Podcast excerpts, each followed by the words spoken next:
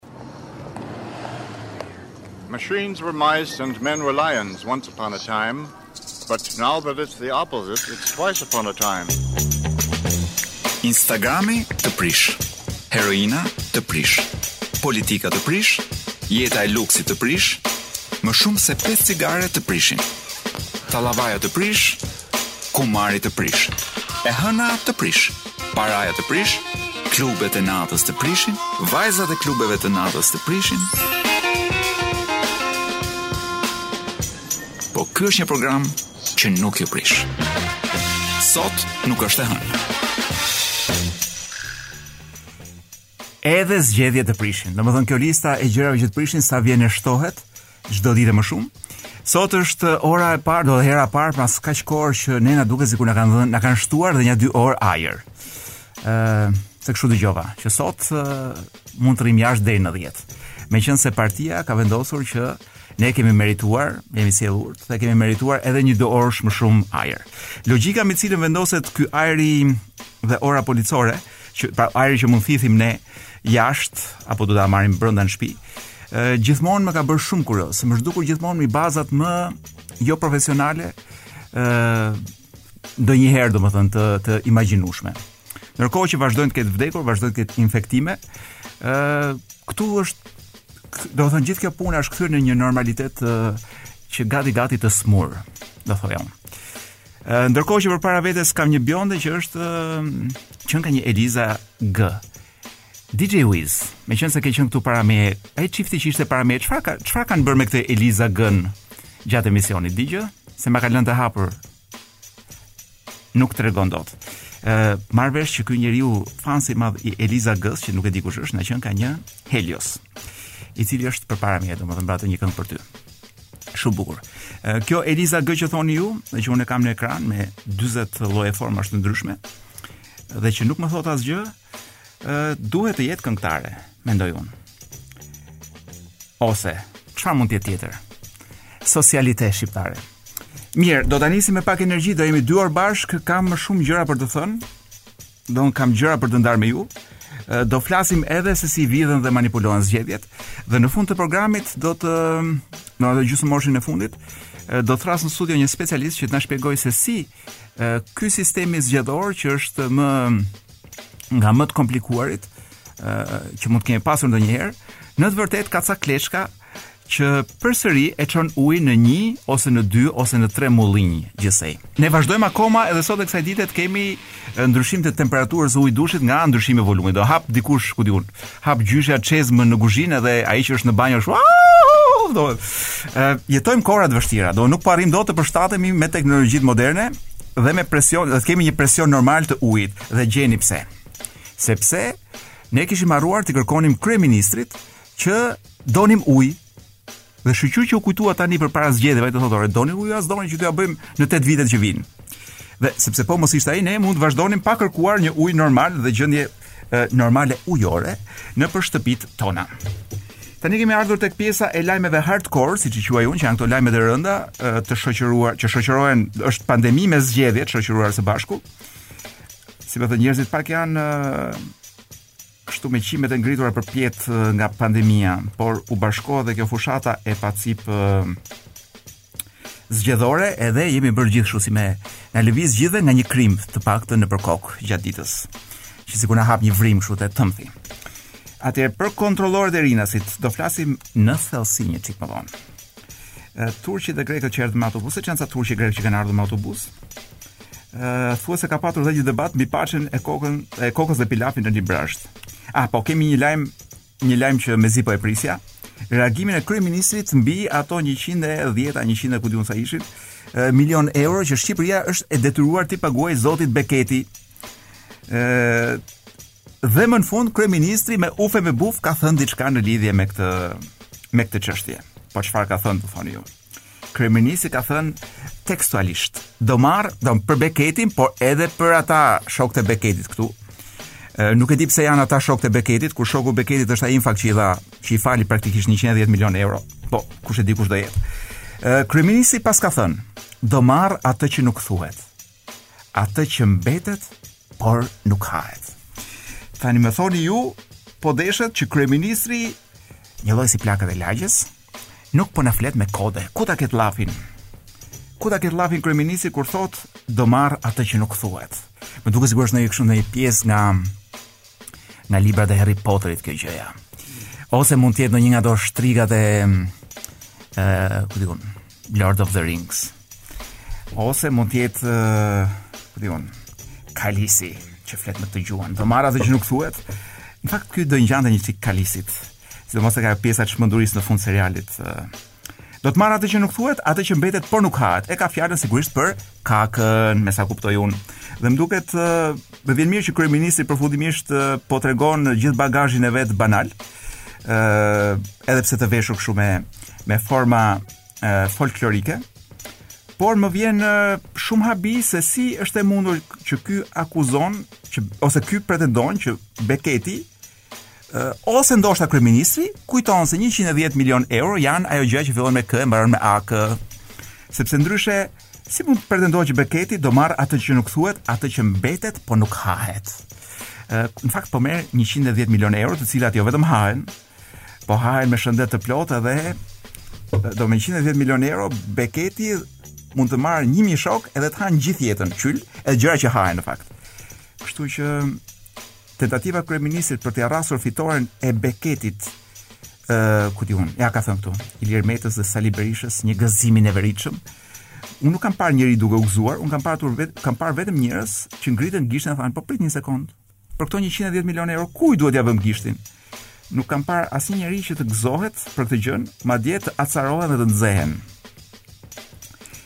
Iku kjo puna e gjyqit, boll folëm, e lëmë plakën e lagjes të vazhdojë me kotet e veta. Çfarë kemi? Po kemi më njoftojnë nga regjia që kemi, po do do flas edhe një lajm të shkurtër. ë nga këto të hardcore-it. Apo s'do i themi të gjitha, ç'të themi më. Ë kemi ca gjëra ku duam të thellohemi, do thellohemi pak më vonë tek çështja e kontrollorëve, të cilën me sa kuptova unë nuk po na e thonë siç duhet. Ë do kemi edhe një parti me lajme soft, ca më vonë. Sikurse siç ju thashë do të shpjegojmë edhe se si ky marifeti don ky ky kodi zgjedhor dhe kjo formula zgjedhore në fakt është ajo gjë që thotë kryeministri që por që do e marrë populli, atë gjë që nuk thuhet, uh, si ishte ajo, dhe që nuk hahet. Jo, atë që mbetet por nuk hahet. Do të thotë këtë gjë në fakt po e marrim ne përmes kësaj formule zgjedhore. Nuk e di nëse ju keni ndjekur, po në Kukës, për shembull, paska një duel të pasurish. Ndërkohë që Kukësi është praktikisht qarku më i varfër ose një nga më të varfrit të Shqipërisë. Domethënë, dhe ja po e lexoj kush janë Domethënë, një është, ja e thotë uh, Reporter pikë al këtu, në Kukës Partia Socialiste për shembull garon me Gerta Durakun, që qenka e bija e dikujt, që qenka biznesmen në fushën e naftës prej, ku di unë, kaq e kaq kohësh. Uh, ka dhe CV-në e gjatë këtu, ndërkohë që një biznesmen edhe për PD-në, Flamur Hoxha, uh, Këta janë të lindur në Kukës, po praktikisht jetojnë në Tiranë, kështu që unë besoj që e kanë harruar e kanë harruar se ç'do të thotë të jesh kuksian në Kukës, edhe një çiksi i varfër dhe pa mundësi dhe pa mundësi pune. Ë, pastaj po të vazhdosh dhe me të tjerë do shohësh që e, vetëm biznesmenë për të përfaqësuar Kukësin në Kuvendin e Shqipërisë. Për shembull, edhe Ku di unë. A, LSI-ja nuk paska, nuk paska një një biznesmen të fuqishëm me sa shoh unë. Paska një djalë që paska lindur dhe banoka në Kukës. Ke parti? Ndërkohë që në Shkodër, ndërkohë që në Shkodër, siç po lexoja, ndodh diçka tjetër. Ata që garojnë janë ose njerëz të pasur, pra ose biznesmenë, ose njerëz që nuk jetojnë në Shkodër. dhe kjo është sa flet kjo gjë domethënë për situatën në cilët në cilën po po zhvillohen këto zgjedhje nuk besoj se flet gjë tjetër. Ëm por të rrim pak tek çështja e kontrollorëve. Duke lexuar tek BIRN-i, po shoh që situata e kontrollorëve ë kjo gjë me kontrollorët në fakt është menaxhuar gati gati në mënyrë staliniste nga ana e qeverisë. E para punës kjo është një grevë që më duket një gjë më se normale. Edhe pse në Shqipëri kemi gati 20 vjet që nuk kemi greva të sektorit publik. Ë vetë shkrimi i Gjergj Erebarës kujton një grevë të ndodhur përpara gati 17 apo 20 vitesh. Ë por në lidhje me këtë grevën e këtyre Në lidhje me grevën e kontrollorëve, vrihen disa gjëra interesante. E para, qeveria u fut që të përdorte të gjithë arsenalin që kishte kundër grevës. E para, akuza sikur është një grevë politike. Ëh, do nuk e di se si është gjetur ky ky marifeti. Ky marifeti është pak a shumë marifeti i atij burrit, të cilit të cilin e kap gruaja në flagrancë, po e kap në flagrancë. në shtëpinë e vet me një grua tjetër dhe ky i thotë nuk është ashtu siç duket. Domethënë kjo puna, ky argumenti është pak a shumë argumenti i këtij burrit që sy për sy do thotë që nuk është ashtu siç duket. Po ama këtu është e kundërta. Një gjë që është ashiqare kërke një grevë me kërkesa ekonomike duan ta shesin sikur është diçka politike, sikur qëndron njëri ose tjetri ë mbrapa Dhe këtu shofim tentativën për të vrarë atë që është dhënësi i mesazhit. Gjëja tjetër që është po aq shqetësuese është akuza se po kërkojnë paga luksi. E para punës më duket shumë e padrejtë dhe e pandershme dhe imorale do thoja unë që të karikosh popullin ndaj disa njerëzve që paskan rroga të mira. Në qoftë se këta njerëz kanë ato rroga që thuhet që kanë, edhe pse diku lexova që nuk është e vërtetë, pra rrogat e tyre nuk janë fiks aq sa ka thënë ministrja. Por edhe sikur uh, unë besoj që janë të kualifikuar dhe arsyeja pse marrin ato rroga është sepse janë të kualifikuar për të bërë një punë që nuk dinë ta bëjnë të tjerët me një rëndësi të veçantë e të tjerë e të tjerë. Dhe unë nuk shoh asnjë arsye për të urryer dikë pse merr ka një rrogë të mirë. Dhe gjithë tentativa për ta kthyer popullin kundër dhe për t'i urryer vetëm sepse këta paskan rroga të mira, më duket e turpshme. Nga ana tjetër, sado të mirë ta kesh rrogën, ata që marrin rrogë dhe jetojnë me rrogë, pra jo me jo me vjedhje, jo me ku di unë abuzime të tjera e dinë shumë mirë që njeriu ndërton jetën e vet bazuar tek rroga e tij. Për shembull, si more 200.000 lekë. të vjetra, si morre 2 milion lekë të vjetra, po sikur morre 5 milion lekë të vjetra. Gjithë jeta që ndërton ti bazohet mbi këtë standard. Që do thotë kreditë që ti merr shkolla e fëmijëve, pra gjithçka që ti ke, makina që pra gjithçka që e jotja bazohet mbi këtë rrogë. Dhe nëse ty ta përgjysmojnë në mënyrë të padrejtë, sigurisht që komplet mënyra jote e jetesës dëmtohet. Sigurisht që këta njerëz mund të ikin nga shtëpia, dhe t'ia japin bankës dhe të marrin një shtëpi më të lirë, por nuk është kjo çështja. Çështja është, nëse ti e meritoje deri para një viti këtë rrogë, pse nuk e meriton ti sot? Po sigurisht këtë ministrja dhe kryeministri të cilët jetojnë me rroga varfanjakësh e kanë shumë vështirë ta kuptojnë. Dhe unë shoh edhe në sytë e tyre një lloj xhelozie për rrogat e larta të këtyre punëtorëve. Sepse duket shumë qartë që të dy këta jetojnë në janë në zgrip të varfërisë dhe mezi e mbajnë veten me ato rroga copë copë që u jep që u jep shteti. Por gjëja tjetër më më shqetësuese është don është qesharake por shqetësuese është tentativa që këta paskan bërë për të bërë grush shteti. ë uh, Domethënë nuk kishin kaluar as 8 orë nga nisja e grevës dhe U shfaqën shkopat e gomës, automatikët, akuzat për grusht shteti, arrestimet, që gjithashtu më duket një fenomen që ndodh në vende jo një vend në vende gjysmë demokratike, por do të thoja në vende aspak demokratike. Dhe kjo është shumë shqetësuese. A kemi ne të drejtë të kërkojmë atë që na takon? Kjo është pyetja. Kryeministri dhe zonja Balluku thonë që jo. E vërteta është siç po lexoja këtu që kjo kompani shtetërore është një kompani e pasur sepse ka të ardhura të larta, cakton rroga të larta, por po vëreja që ë nga një studim i shpenzimeve të kompanisë, e cila ka filluar dalë me humbje më duket, shoh që një pjesë e madhe e këtyre paskan ikur për Ë çështje luksi. Dhe ndoshta këtu është nevoja që të hetohet dhe jo tek rrogat e punëtorëve. Domethënë, pse del pse ka dalë me humbje dhe ku shkojnë në të vërtetë paratë e ardhura dhe hyrjet në këtë kompani. Kjo do të ishte diçka shumë interesante. Ë pranvera më kujton Domethënë përveç Luka Karbonit që më shkrin shumë me këtë këngën, ë kur vjen pranvera më kujtohet gjithmonë edhe Muçnano që thoni ju. Muçnano më kujtohet sepse Muçi seç ka një gjë, kështu seç pati një gjë njëherë me këto femrat e zhveshura nëpër televizione me ë si të bëshme me forma me gjëra. ë unë e kuptoj Muçin edhe pse mënyra se si e shprehu Muçi atë gjënë të bënte edhe të qeshje, po edhe kështu të të vrenteshe një çik Më kujtua Muçi këto ditë kur edhe pse është pranverë, netët ishin shumë të ftohta dhe qëlloi një natë që vajti me minus, më duket se diku në Pukë edhe në Dardhë uh, kishte rënë borë. Uh, duke duke bërë atë lojën e lodhshme me telekomandën, duke kaluar kanalet, kur shoh një femër pothuajse të zhveshur. Ishte vetëm kështu me me rripa, domethënë ishte zhveshur deri ku ku di unë. deri aty që je pak pa ngrënë dru nga babi ose nga burri, domethënë, për sa i përket zhveshjes. Dhe ishte një dhënëse moti. Sigurisht që kur moti jepet pothuajse zhveshur, uh, unë nuk, dhe ishte kanal shumë serioz nga këto që janë, ku di unë, nga këto 3-4 më të mirët që themi neve, ose që konsiderojmë neve se janë më të mirët, uh, apo më të ndjekurit. Një kanal serioz me një me një lajmëtare moti, një dallëndyshe moti le ta quajmë aspak serioze. Sepse unë nuk e kam kuptuar akoma pse duhet të jemi, domethënë pse ekrani është banalizuar deri në këtë pikë. Për shembull, ti ti sheh lajmet sot dhe është një folëse atje. Është e njëjta folëse që të nesërmen ti do ta shohësh në Instagram pothuajse lakuriq. Biles me forma kështu domethënë nga ato që ti e kupton që ato bythët aty nuk janë do ato bythët aty nuk janë të sajat se po flasim siç do fliste Muç Nano në fakt. Ti e kupton që ato bythët aty nuk janë të sajat, domethënë është këndi që është kapur fotografia etj etj, ti e kupton që është bërë e gjitha për të të eksituar ty. Por është i njëjti person i cili Një ditë më përpara dhe një ditë më mbrapa do të përpiqet ty të të bindë me seriozitetin e vet për lajmet që të thotë.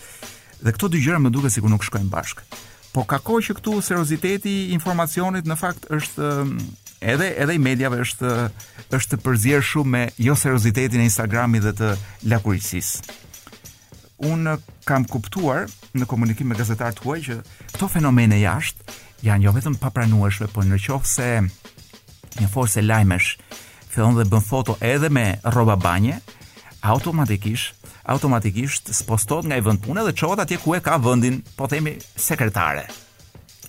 Sepse sekretareve mund t'ua tolerojmë, megjithëse unë po them që edhe zyrat serioze, ë sepse ti nuk mund të shkosh për të zgjidhur një për të për të ndërtuar një kontratë dhe të pret njëra që ti ke shumë shanse ta shofësh gjysmë lakuriq ku di unë apo në për festa kështu duke u lagur me shampanjë e me shkuma me gjëra ë njeriu i cili ty të ka përgatitur një kontratë po themi unë sot në fakt dua t'ju lexoj dy libra Do ta mbyllim sot me këtë librin që kemi dy javë pra e lexojmë për dy prej dy javësh Homo Deus nga Yuval Noah Harari. Ky është një botim shumë serioz edhe i mirë, edhe përkthimi nga Aulona Ormeni është gjithashtu i mirë. Është një nga librat më të rëndësishëm të viteve të fundit dhe unë besoj që është një libër që Kushdo që ka pak kuriozitet, pra që s'i ka vdekur nervi akoma, kushdo që ka pak kuriozitet se ç'do bëhet me ne, me botën, dhe si do jetë e nesërmja, duhet ta lexojë. Sepse përveç një analize të asaj se çfarë do na ndodhë nesër neve, njerëzimit, ka edhe një analizë shumë të mirë të asaj që jemi dhe asaj çfarë duam. Pra në qoftë se ndonjëherë keni pasur pyetje të tipit çfarë dua unë, kush jam e tjera tjera, nuk do të çuditesh në qoftë se diçka do gjeni e, brënda këti libri. Unë po shfletoj këtu në mënyrë, sepse këtu kudo që të shfletosh do kapësh një gjë të bukur, po shfletoj në mënyrë të rastësishme një pjesë, dhe është e, pjesa ku ky autori Harari, o harrova të thosha që ju këtë libër mund ta merrni me ulje, ë? vetëm sot mund ta merrni me ulje në qoftë se futeni në bukinist.al. Do fusni kodin Top Albania Radio dhe mund të merrni këtë libër që kam unë në dorë, Homo Deus, mund ta merrni falas i pari që fut kodin ose e merr me 20% ulje. Dhe jo vetëm kaq, por mund të merrni të gjithë librat e Hararit me 20% ulje. Për detaje të tjera, na ndiqni në rrjetet sociale ose futuni në bukinist.al. Atëherë, të hapim dhe shfletojmë librin ku jemi këtu faqja 187. Po, e, analizohet domethënë, analizohet marrëdhënia e njeriut me fenë dhe në fakt çfarë kuptimi ka feja për ne dhe çfarë roli luan në shoqërinë njerëzore. Ehm, um, Po lexoj një një rrëfenjë që ka autori në libër. Një djalë hebre shkon tek i ati dhe pyet baba, pse nuk duhet të hamë mish derri? I ati fërkon mjekrën e tij të gjatë të bardhë dhe i menduar i përgjigjet. E po, Jankelele apo Jankele, Jankele, duhet lexohet këtu. Emër i çuditshëm për një fëmijë. Për mua. Megjithëse duhet të ketë një Jankele vërdallë nëpër Shqipëri se ka shumë emra ëm um, mistikë që po futen këtu. E po Jankele, kështu funksionon bota. Ti je ende i ri dhe nuk e kupton. Po nëse ne hamë mish derri, Zoti do të na ndëshkojë dhe fundi ynë do të jetë i keq. Po kjo nuk është ideja ime. Madje nuk është as ideja e Rabinit. Nëse do ta kishte krijuar Rabini botën, ndoshta ai do të kishte krijuar një botë ku mishi i derrit do të ishte krejtësisht i përshtatshëm. Por nuk e ka krijuar Rabini botën, e ka krijuar Zoti dhe Zoti ka thënë, nuk e di pse. Se ne nuk duhet të hamë mish derri. Kështu që nuk duhet, kupton? Më vonë në vitin 1943, një djalë gjerman shkon tek i ati, një oficer nazist, me grada dhe e pyet: "Baba, pse po i vrasim hebrenjtë?" I ati po vishte çizmet e tij prej lëkure që shkëlqenin dhe ndërkohë i përgjigjet: "E po Fritz, kështu funksionon bota. Ti je ende i ri dhe nuk e kupton. Por nëse ne i lëmë hebrenjtë të jetojnë, ata do të sjellin degjenerimin dhe shfarosjen e njerëzimit. Kjo nuk është ideja ime. Madje nuk është as ideja e Führerit. Nëse Hitleri do të kishte krijuar botën, ndoshta ai do të kishte krijuar një botë në të cilën ligjet e përzgjedhjes natyrore nuk do të zbatoheshin. Dhe kështu hebrenjtë dhe arianët do të jetonin të gjithë së bashku në harmoni të plotë. Por botën nuk e krijoi Hitleri. Ai thjesht ia doli të deshifrojë ligjet e natyrës e më pas na udhëzoi se na udhëzoi ne se si të jetojmë sipas tyre. Nëse ne nuk u bindemi këtyre ligjeve, fundi ynë është i keq. E ke të qartë. Në vitin 2016, një djalë britanik shkon tek i ati, një liberal dhe anëtar parlamentit dhe pyet: "Baba, pse duhet shqetësohemi për drejtat e njeriut për muslimanët në Lindjen e Mesme?" I ati lëshon nga dora filxhanin e çajit, domosdo Angli domethënë. Lëshon nga dora filxhanin e çajit, mendohet një hop dhe i thotë: "E po Duncan, kështu funksionon bota." Ti je ende i ri dhe nuk e kupton, por gjithë njerëzit, madje edhe myslimanët në lindjen e mesme, kanë të njëjtën natyrë. E kështu gëzojnë të njëjtat drejta natyrore. Kjo nuk ishte ideja ime dhe as vendimi i parlamentit. Nëse botën do ta kishte krijuar parlamenti, të drejtat universale të njeriut mund edhe të ishin varrosur në ndonjë nënkomision së bashku me teoritë e fizikës kuantike. Por botën nuk e ka krijuar parlamenti, ai thjesht përpiqet t'i gjejë asaj kuptim dhe ne duhet të respektojmë të drejtat natyrore, madje edhe të myslimanëve në Lindjen e Mesme. Ose në të kundërt, edhe vetë të drejtat tona shumë shpejt mund shkelen dhe nuk do të kemi një fund të mirë. Ik tashi. Pra kjo është pak a shumë ideja se si gjithmonë ka një tentativë për të shpjeguar botën, por siç thotë më tej autori, Pohimi se feja është një mjet për të ruajtur rendin shoqëror dhe për të organizuar bashkëpunime masive, mund të zemërojë shumë njerëz, për të cilët ajo përfaqëson rrugën e vetme dhe kryesore shpirtërore. Megjithatë, ashtu si hendeku mes fesë dhe shkencës është më i vogël nga sa mendojmë zakonisht, ashtu edhe hendeku mes fesë dhe spiritualizmit është më i madh. Feja është një marrëveshje, kurse spiritualizmi është një udhëtim. Fetë japin një përshkrim të plotë të botës dhe na ofrojnë një kontratë të mirëpërcaktuar me qëllime të paracaktuara. Zoti ekziston, ai na ka thënë sillemi në disa mënyra të caktuara, nëse i bindesh Zotit, do të pranohesh në parajsë, nëse nuk i bindesh do digjesh në ferr. Vetë qartësia e kësaj marrëveshje e lejon shoqërinë të përcaktojë normat dhe vlerat e zakonshme që rregullojnë sjelljen njerëzore. udhëtimet spirituale, si ai që bën natë për natë DJ Wizy, ë duke pirë bar dhe duke dëgjuar muzikë trans. Udhëtimet pra spirituale nuk janë aspak diçka e tillë. Ato zakonisht i shpien njerëzit në mënyra misterioze drejt destinacioneve të panjohura. Mm -hmm. Ja, pyesin DJ Wizin po deshët. Kërkimi zakonisht fillon me ndonjë pyetje të madhe, si për shembull, kush jam unë? Ç'kuptim ka jeta? Çfarë është e mira? Ndërkohë që shumë njerëz thjesht pranojnë përgjigjet e përgatitura dhe të shpërndara nga fuqi të caktuara, kërkuesit shpirtëror nuk kënaqen kaq lehtë. Ata janë të vendosur Ah, që ka ca reklama. Por ju mund ta merrni librin me 20% ulje në bukinist.al. Edhe ta lexoni vetë, një libër i jashtëzakonshëm. Spiritualizmi po, feja. Ah, çka? Çka? Lajmet kanë filluar t'i ndajnë në dy pjesë. Në pjesën hardcore, që janë budallëqet e rënda kryesisht të natyrës politike dhe në lidhje me fushatën, po kemi le të mos harrojmë edhe pjesën softcore të lajmeve që janë budallëqet e zakonshme, por jo shumë të lidhura me fushatën dhe kryesisht pa natyrë politike. Për shembull, a mund të themi që kishte natyrë politike Protesta simbolike e një xhaxhai në Korçë, i cili kur dëgjoi një grupim, një partie politike që nuk e mora vesh cila ishte që thoshte luftojmë për kotheren e bukës e ku di unë çfarë u ngrit dhe tha hiqeni fjalën kothere se është mbiemri im. Uh, unë jam shumë dakord që zotëria dhe kotherja Domethënë, kanë të dy bashkë një pronësi mbi termin, po nuk e di nëse është më shumë problemi i zotërisë apo i vetë kotheres që u identifikoka tashmë me personazhe uh, individualë. Kemi edhe një çift turistësh holandezë, turistë holandezë në këto kohëra, ndërkohë që Holanda vetë është ku di unë, zonë mos e kuqe Portokalli. Turistë holandezë paskemi të cilët jo vetëm që vijnë në Shqipëri, por paskan humbur në një zonë të thellë në Llogara. Dhe policia u paska ardhur në ndihmë. Unë dyshoj shumë që kanë humbur në arat e hashashit dhe policia ka qenë aty duke mbrojtur arat e hashashit edhe domethënë, u gjetën nga policat që ruanin plantacionet e hashashit.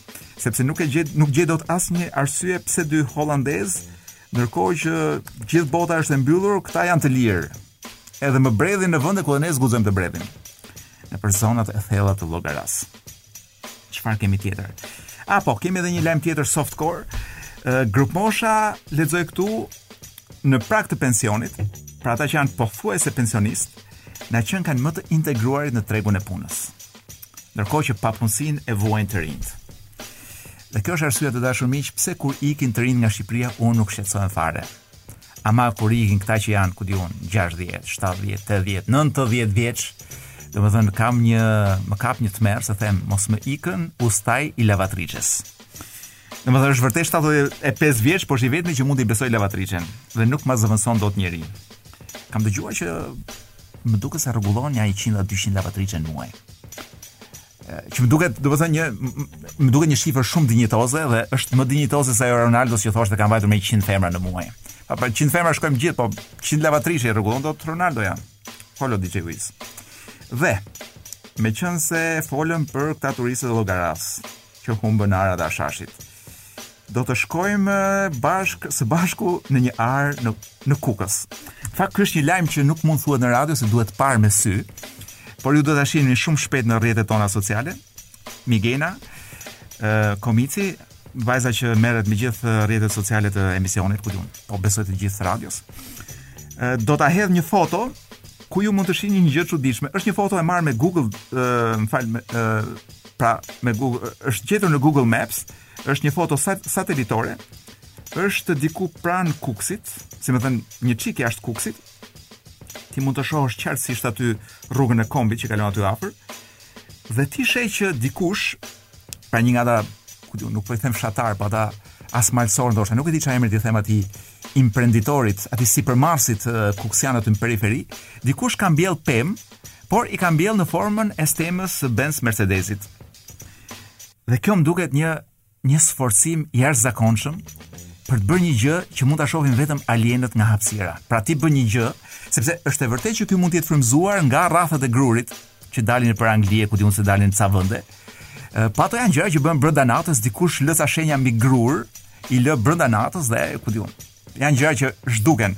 Kurse ky zotëria ka investuar punë, kohë dhe fidanë pemësh për të bërë stemën e Benz Mercedesit. Tani unë dyshoj, duke njohur mirë kuksianët, unë dyshoj që ky kishte qejf të bënte Range Roverin. Po nuk kishte aq shumë pemë dhe ndoshta s'kishte aq shumë tokë për ta shkruar të gjithën. Ju do thoni që mund ta shkruante thjesht Jeep, për shembull. Po dhe thjesht xhip, meqenëse unë jam identifikohem një çikë me atë zonë, ose me ato zona, ne i themi gjip. Edhe ka një, një konflikt, domethënë ta shkruash me xh, si xhaketa, apo me gj si xhuxhi.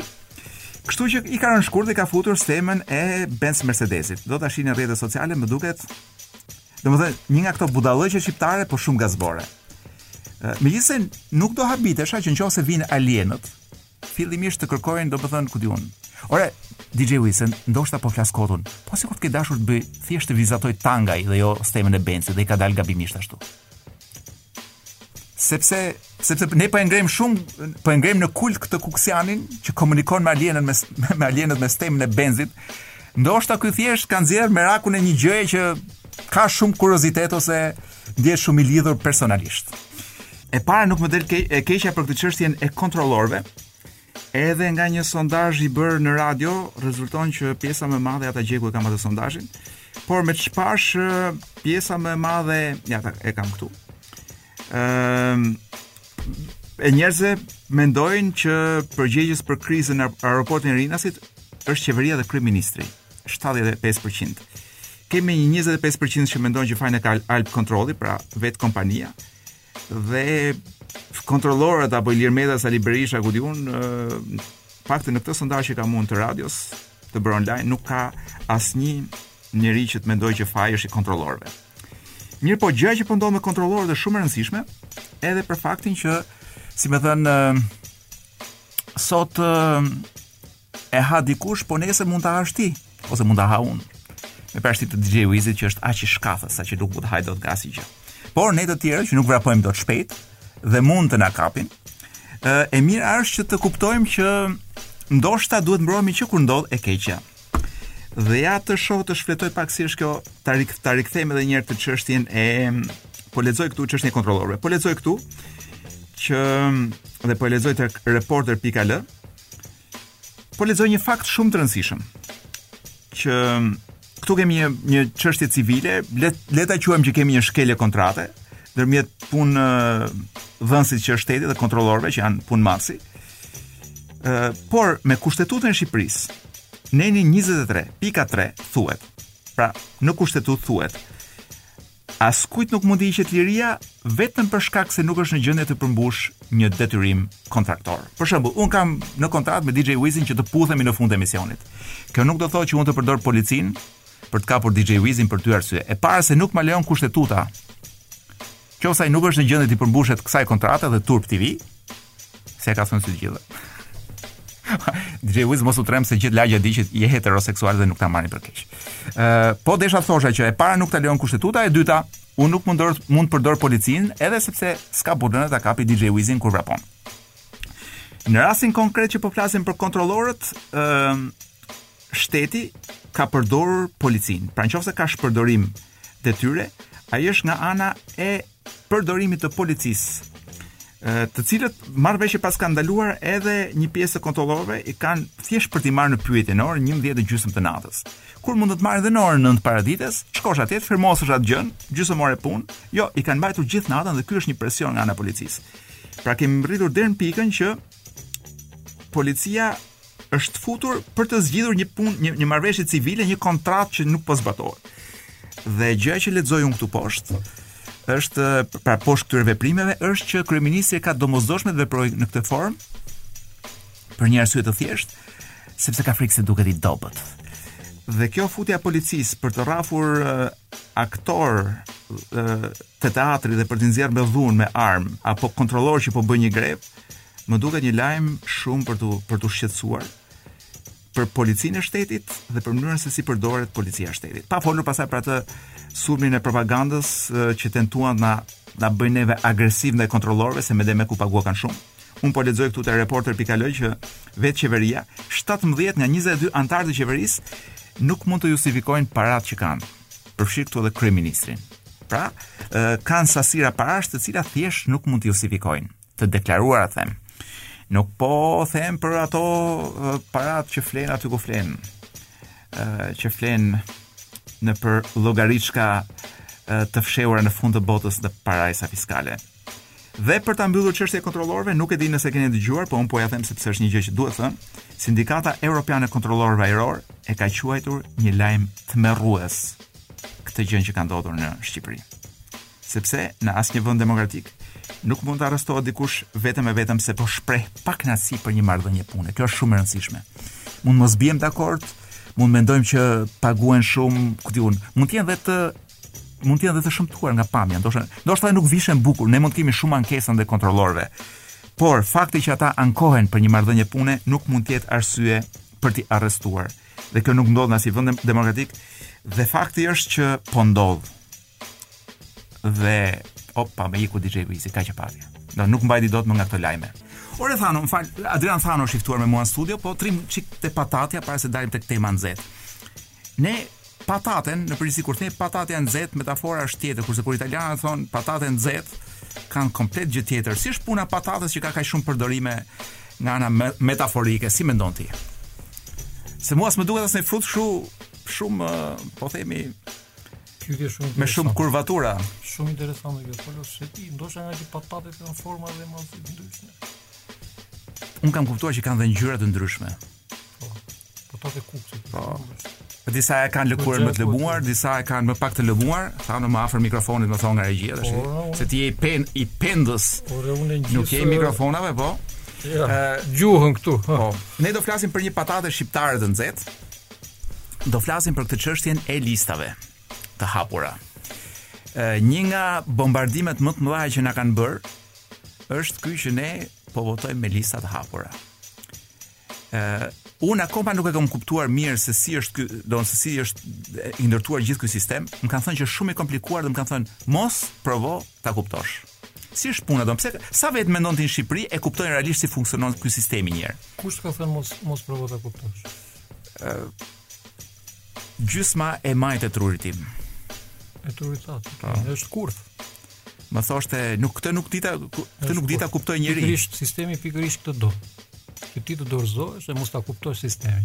Pjesa e djathtë e trurit tim kërkoi ta kuptonte duke dëgjuar po themi të ashtuquajtur atë që quajmë analizë nganjëherë dhe me të keq, por nuk është unë nuk do i vija ngarkesë të keqe fjalës, po duke dëgjuar analizat le të themi televizive dhe prapë s'e kuptova. Po një pyetje kam unë për ty, tash pjesa e majtë dhe e djathtë e jotja korrespondon me preferencat politike apo është orientim? Unë kam dhe një pjesë të tretë, e cila po lufton shumë fort t'i asgjësojë këto të dyja. Syri i mesit. Çakra domethënë syri, çakra e ballit, po e cila po lufton thotë, e, kjo pjesa e majtë dhe kjo pjesa e djathtë të kanë çuar gjithë këto vite në humnerë. Okay. Thotë i zhduk të dyja. Sugjerimi im është, i zhduk të dyja. Tani që dy Pyetja e parë, sa po. vetë ti mendon që realisht ata që flasin për listat dhe për e kanë kuptuar mirë sistemin? Jo, jo, jo. Kam përshtypjen që sistemin e kuptojnë 100% vetëm ata që e kanë krijuar, Janë të njëjtët që kanë për për ironi të mund ta afrosh. Jo, nuk do ta afroj këtu mbaj, ja të ta. A dëgjohem? Dëgjohesh, dëgjohesh. Okej. Okay. Për ironi të fatit. Shiko, sistemi është mbyllur në 2008. E qartë, po. Këtë e dimë të gjithë, ndryshimet kushtetuese. Dhe mos gabohem, ai që luftonte për ta mbajtur të hapur, po. ishte Meta. Po, u hodh, u hodh aty mbi, desh e mbyti Jozefinën, për pak, po shyqyr... Domethënë atë që ka e ka, domethënë Meta luftoi, po, po, s'e di pse, po luftoi për ta mbajtur po, sistemin të hapur. Luftoi derisa u bë pjesë e sistemit.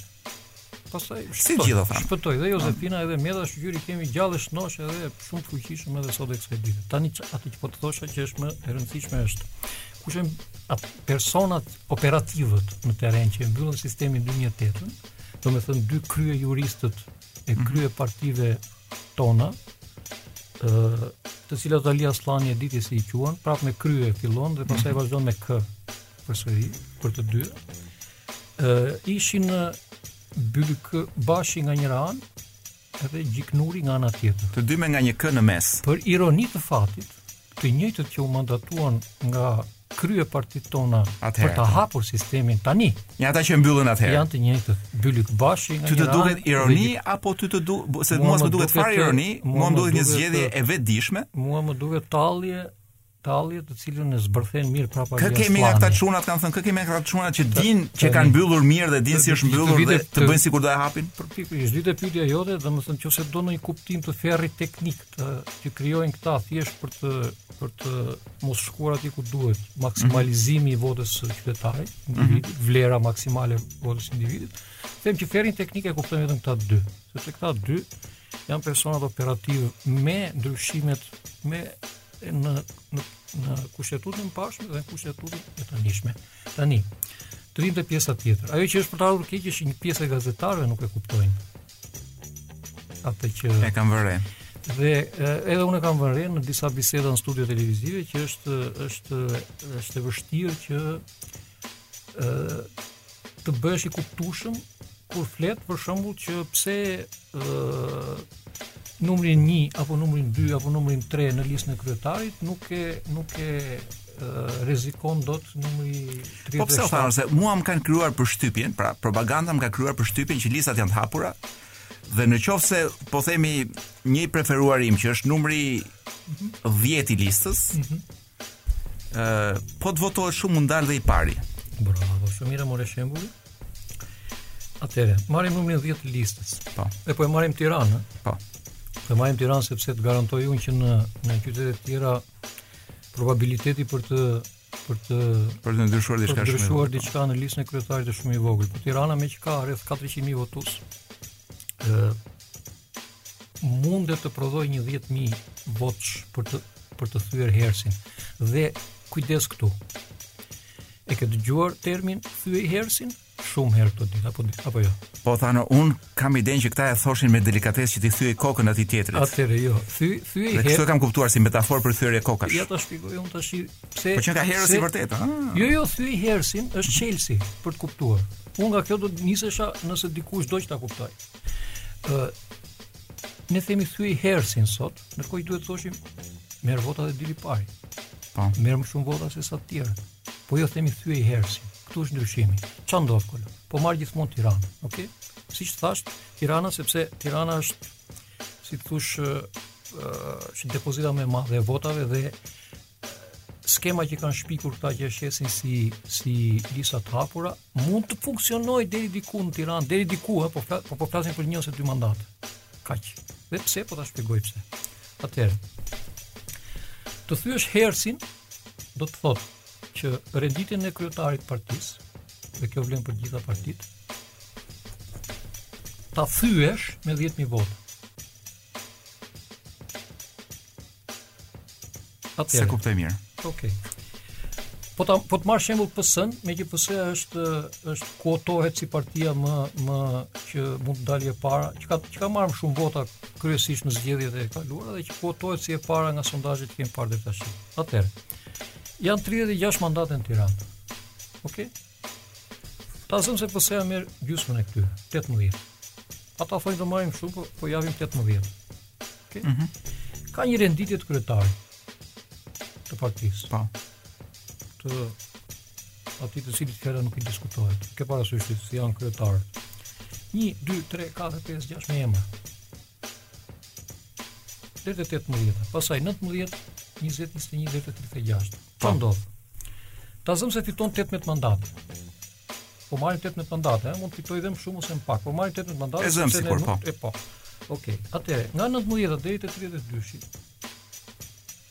Duhet që dikush nga këta persona të renditur në listën e kryetarit nga 19 te 32-shi të marrë 10000 vota.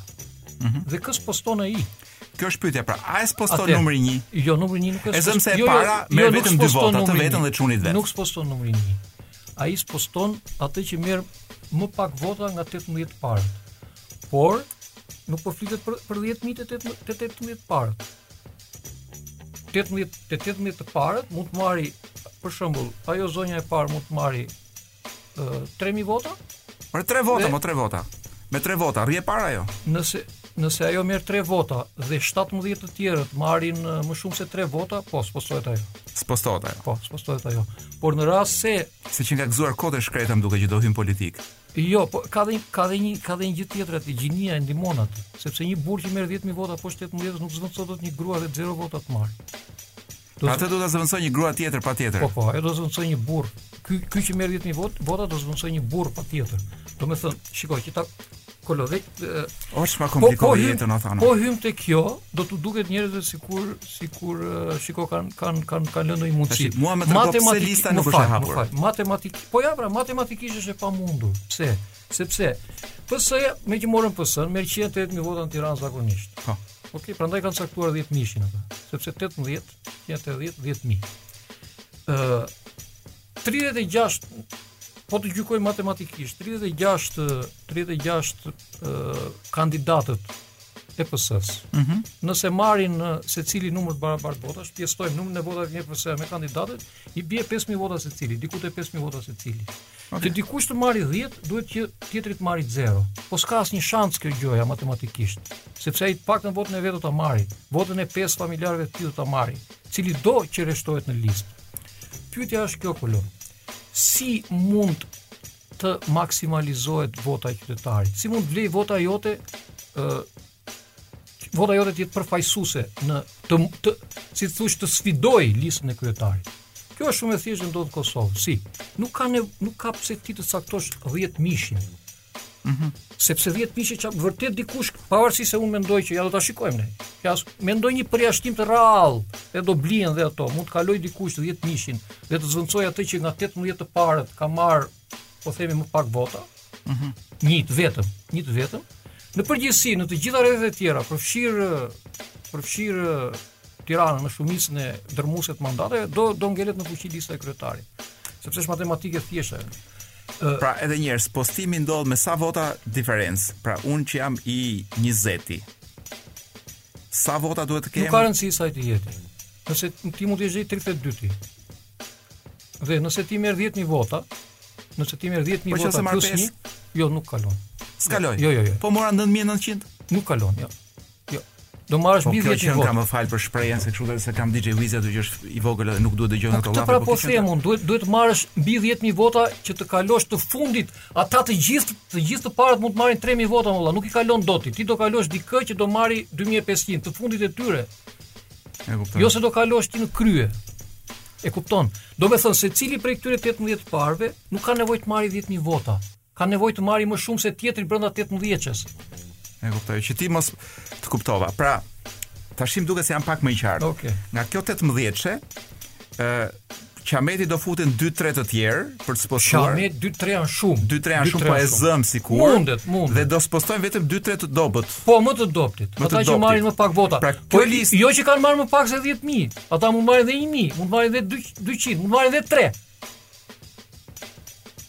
Dhe edhe është një gjë tjetër, nëse është grua një nga ata 18 dhe dhe të siguroj që gjysma janë gra sepse është nuk ta regjistron KQZ-ja. Nuk i sposton njëri nga. Ti nuk i sposton dot edhe sikur të marrësh 100.000 vota, jo 10.000. Nëse je mashkull, ti te 18 e mbrapa. E kuptoj, do të thotë kurthet janë pra, disa. Praktikisht lista është atëherë, lista e kryetarit është është e pa është e salduar. E pa dhe po flasim për Tiranën, ë. Ti ka kurse në rrendë nuk ka shanse. Vot po. për fytyro ti ti Kukësin. Sa sa mund të jetë ky hersi në Kukës po themi? Është 10000 prap. 10000? Po po 10000 është. Po prandaj po them pra është e pamundur, 10000 është prap dhe në Kukës. Po ashtu se nuk ka 400000 400000 votues. Po ka shumë pak. Pra shanset në Kukës janë 0. 0 për të për të ngjitur mbi listën e kryetarit. Ore janë Mi po themi ato tre të parë. Janë afër zeros në Tiranë, po them, jo më në Kukës. Janë afër zeros në Tiranë, sepse secili nga këta 18 janë futur Hum hum me njëri tjetrin me mos me dali fundit. Pavarësisht se s'marrin 10.000 vota dhe 18 të tjerë duhet marrin 10.000 vota me kalu me kalu dikë aty që deli fundit. Por që 10.000 votë është shumë i vështirë sepse se duke qenë se secili nga këta lufton për të mos dalë i fundit, askush nuk i lë 5.000 plus një tjetrit, sepse është matematikë more Kolë. Janë 180.000 vota dhe 36 mandate. Është matematikë. Thjesht nuk ka vota mjaftueshëm po që dikush të mund të bëjë kapërcim. Ka mjaftueshëm pra. Nuk ka mjaftueshëm. Do Bertalia po t'ishte këtu do thoshte puta. Po, atë shprehjen e vet të, të famshme. Dhe ë tani. Pra sistemi është i salduar. Ne kot bëjmë sikur kemi lista të hapura, po, faktikisht. Tani si do ishin lista të hapura është një pyetje shumë interesante. Domethënë kjo që thonë realisht si do ishte si do ishte e zbatuar në praktikë. Kjo që thonë që bëjnë retorikë politike dhe mashtrojnë ata që mashtrojnë, si do ishte nëse nëse do ishte në praktikë. Kush merr më shumë gjithë cifrë. Është e thjeshtë fare, e kupton. 36 ja njohim kryetarit të madhërishëm të PS-s, të PD-s, të LSI-s, të cilës do parti tjetër, ja njohim me patjetër të drejtën për të renditur njerëzit sipas preferencës së tij. Por Po, aty brenda asaj liste, pak aty brenda asaj liste, po, të votojë të parën këtë. Kush merr më shumë vota ngjitet në krye. Kaq. Pra praktikisht njeriu ndoshta më i votuar në Tiranë do ja dali, po themi nga lista PS-s meqenëse e morë ti ose edhe nga PD-s, do ja dali ndoshta të spostojë vetëm të fundit e me këtë që është. Po me po, po me këtë po, që është do spostojë atë që merr më nëse merr mbi 10000 do spostojë të fundit nga 18 të parët që ka marrë më pak se 17 të tjerë. E kuptova. Pavarësisht se dhe rëndësi ka mos jetë grua. Po po, dhe rëndësi ka se luan po, që, që që që minimizon edhe akoma më shumë probabilitetin. Por shiko në Kosovë, Kolë. Se është nuk e di se sa i qartë isha, do të dëshiroja shumë të isha të isha shumë i qartë për ta kuptuar njerëzit. Po përpiqemi me këtë, me këtë zallamahi që është. Po, është fjalë shumë shkurt thamë se do fusim çik reklama tashi të shplajmë të shplajmë mend. Futë reklama ose po pas. Apo skeç kemi më? O, do e mbyllim direkt? A mirë, kemi edhe pak kohë për ta, kemi edhe 1 minutë kohë për të folur ti dhe 1 minutë për të sharë unë. Sistemi, sistemi i Kosovës për shembull, që mos vemi më larg, Kosovën se e kemi tonë edhe kemi një një gjak edhe një mendje, një një kulturë, një mentalitet. Një bark. Po, si, se kemi një histori, dhe të njëjtat krimba në bark. Është kryetari i nderuar rreshton dhe ti voton. Ai që merr më shumë vota, ngjithet në krye, po. del i pari. Shumë e thjeshtë. Kaq, është e thjeshtë fare. Po këtu kryetari vet ka frikë se mos vet po, kryetari ka. Kryetari sfidohet. Po, në, me sistemin e Kosovës kryetari sfidohet sepse Ti kupton që ai që është kryetar mund dalë i fundit i listës. Po mund dalë i fundit i listës, po. Atje sfidohet kryetari, nuk ka nevojë t'i thuash ti shiko ti duhet marrësh më shumë se herësi i partisë pjesëtuar me kaq shumëzuar me kaq që të mundësh të, të fundit që ka marrë kaq e ka pra, marrë. Pra praktikisht listat janë të mbyllura dhe mund të lënë ndonjë përjashtim shumë të vogël që të ta çajë këtë sistem. Është, shiko, Kolo, sistemi është një mur i madh i lartë. Deri tashi, secili që ka dashur me sulmu sistemin, po ka hap ndonji vrimë nga poshtë, po i ka rënë muri në kokë, ose ka i është lëpi rojes me u fut brenda, tashi çka kanë bërë? Kanë thënë që kanë vu një shkallë. Po. Tashi ajo shkalla, ajo mhm. shkalla ka vetëm një Një shkallare në fund. Ai se si do vesh ti do nga nga nga baza. Aty aty në majë është është një çështje Si me thënë është është pak a shumë është pak a shumë si Shreku që donte shpëtonte ku di unë atë princeshën. Le të themi që kaq akrobat engojuar në kaq akrobat mund të jetë vetëm vetëm zotja Qifrakik. Por le por le t'ia lëmë 25 prillit. Wow, wow, wow, qifja. Ti mendon? Po, ti mendon që mund të bëjë një sfidë të tillë, pra mund ta sfidojë sistemin fuqishëm me, me idealet e veta kryesisht. Le ta shoh, me idealet po. Me idealet, patjetër me idealet. Lufton me idealet. Shumë të forta ne kemi e kemi e kemi parë vijimësi që i ka shumë të forta, domethënë idealet, parimet ideale, domethënë janë kaq të vështira për të kundërshtuar sa çfarë. Të kuptova. Shoku Thano, shumë faleminderit për këtë sqarim.